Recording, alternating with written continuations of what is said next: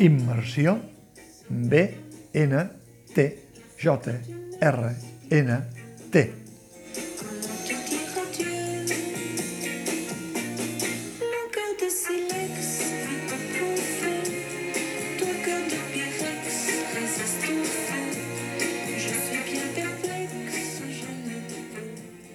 El títol no és la proposta d'un enigmista.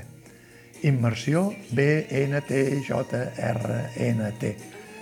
Es tracta del fals anagrama de Benet i Jornet, sense les vocals. La vocalització és a l'esquena de les samarretes de cadascun dels intèrprets i també en els seus diàlegs, impecables tots. El pit, les consonants. Poètic. El laboratori Peripècies fa cada temporada una mena de fi de curs amb graduació d'alta volada. Després de cinc temporades, aquest 2022 s'ha dedicat com a homenatge a Josep Maria Benet i Jornet i l'ha coordinat, com és habitual, el dramaturg i escriptor Sergi Balbel, diguem-ho així, ara que ja l'ha batejat Sant Jordi, al voltant de la figura de qui es considera la baula de connexió entre el teatre clàssic català sobretot Àngel Guimarà, i també Rossinyol o Pitarra, i, per què no, Josep Maria de Sagarra, entre altres, i la nova dramatúrgia catalana multiplicada amb els anys i que emplenaria a hores d'ara totes les lletres de l'alfabet d'un qui és qui teatral. Els espectadors que han pogut assistir a alguna de les úniques quatre representacions de punts sobre la bellesa del temps hauran viscut una d'aquelles experiències úniques. I no diguem res dels que hagin fins i tot optat per assistir a les quatre. Sergi Balbel i l'equip de dramatúrgia han escollit sis peces breus, inèdites, de Josep Maria Benet i Jornet i, com en alguna altra ocasió, han distribuït cadascun dels escenaris per diversos espais de la sala Beckett, des de la sala gran de baix a una de les aules, la sala de dalt, el taller, els camerinos o la terrassa interior. Són peces per a dos o màxim tres intèrprets, a excepció de la de conclusió final, de la qual parlaré més endavant. Són peces que en algun moment ressonen a altres obres llargues de Benet i Jornet.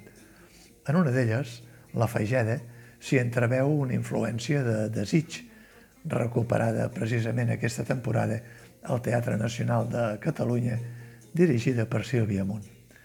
Però l'agosarament de la proposta és que en cadascuna de les quatre funcions no sempre hi han intervingut els mateixos intèrprets i no sempre s'han fet amb el mateix registre dramàtic, sinó que s'ha alternat una mirada a vegades realista, a vegades brechtiana a vegades relativa.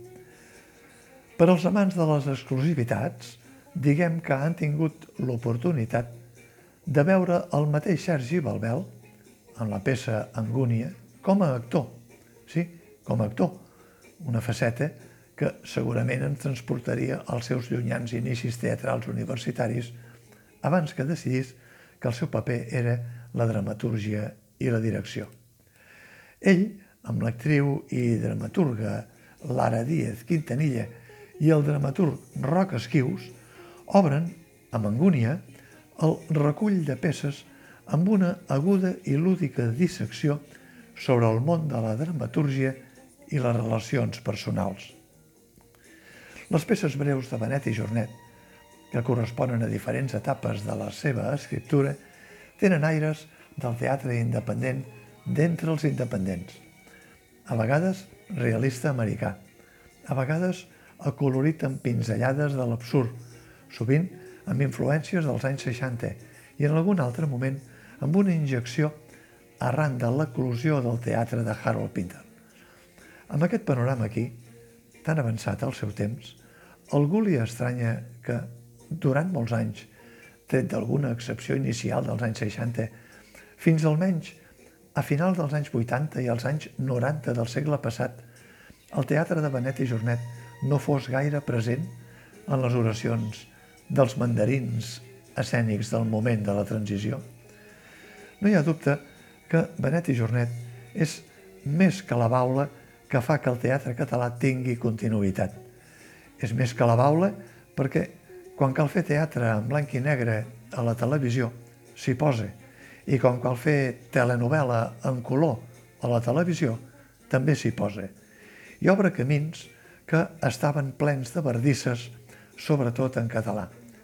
No es mereix una placa, ara que els ha agafat per plaquejar la ciutat en noms d'escriptors locals i forans, a la casa de la Ronda de Sant Antoni, on Benet i Jornet va néixer, no m'estaré de repetir-ho una vegada i una altra, el número 12, per si algú vol prendre nota, lloc políticament i cívicament ara ple de polèmica, com en una obra costumista de Benet i Jornet, per la destinació final de la famosa llosa de l'antic mercat provisional en procés de reurbanització definitiva.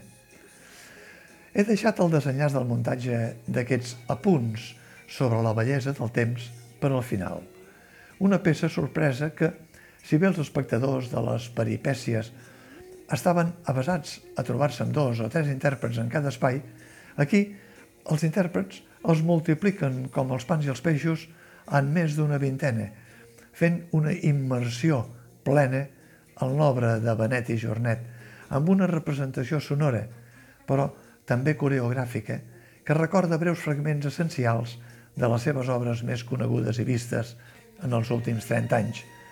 Una vella coneguda olor, Berenàveu a les fosques, la desaparició de Wendy, revolta de bruixes, descripció d'un paisatge, el manuscrit de l'Ibei, Ai carai, Desig, Fugaç, E, R, Testament, El gos del tinent, Salamandra, Soterrani o Dues dones que ballen. Em quedo amb el joc d'enformadors, símbol de desig, o el teatrí, de la desaparició de Wendy, o les escombres de revolta de bruixes, o l'estesa de taveus de dues dones que ballen, que encara recorda una inimitable Anna Lizaran, o tot d'imatges que transporten els espectadors a algunes de les icones que Josep Maria Benet i Jornet ha deixat al llarg dels anys en la memòria teatral d'aquest país, la més prolífica d'entre segles. La Sala Beckett ha dedicat la temporada a Benet i Jornet. Va començar amb la representació de descripció d'un paisatge i tancarà amb la lectura dramatitzada i semimuntada de l'última obra inèdita de Benet i Jornet, Estiu ardent, 1947. Inacabada, quan l'Alzheimer ja es deixava notar, però tan encaminada en les intencions dramatúrgiques de l'autor que, després d'aquesta fugaç prèvia, i a jutjar pel triangle que desvela la seva trama, es perfila com una aposta tan segura com inevitable per formar part d'una pròxima programació. I si no, heus aquí un tast d'aquest estiu ardent. L'any 1947, a la Barcelona grisa i fosca de postguerra, L'Helena, vídua, és l'amistançada de l'Eduard, un home casat, més gran que ella. Conviu amb la seva minyona Caterina, una dona senzilla, i la seva filla Eva, una jove bonica enamorada d'un xicot, en Pere, una mica més gran que ella, que flirteja secretament amb els moviments polítics contraris al règim. Juntes sobreviuen en una ciutat governada per la por i per la misèria – L'aparició de l'Anton, un jove lampista que va a fer reparacions al pis de l'Helena, trasbalsa completament la quotidianitat de les tres dones i aporta una mica de llum i esperança al seu futur desolador.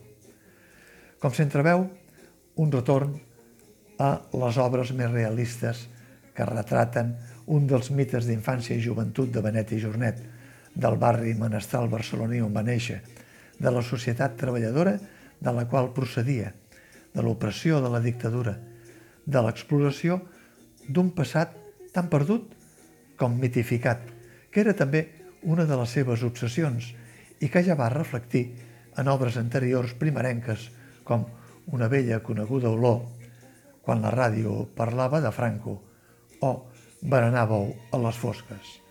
Així doncs, la immersió BNTJRNT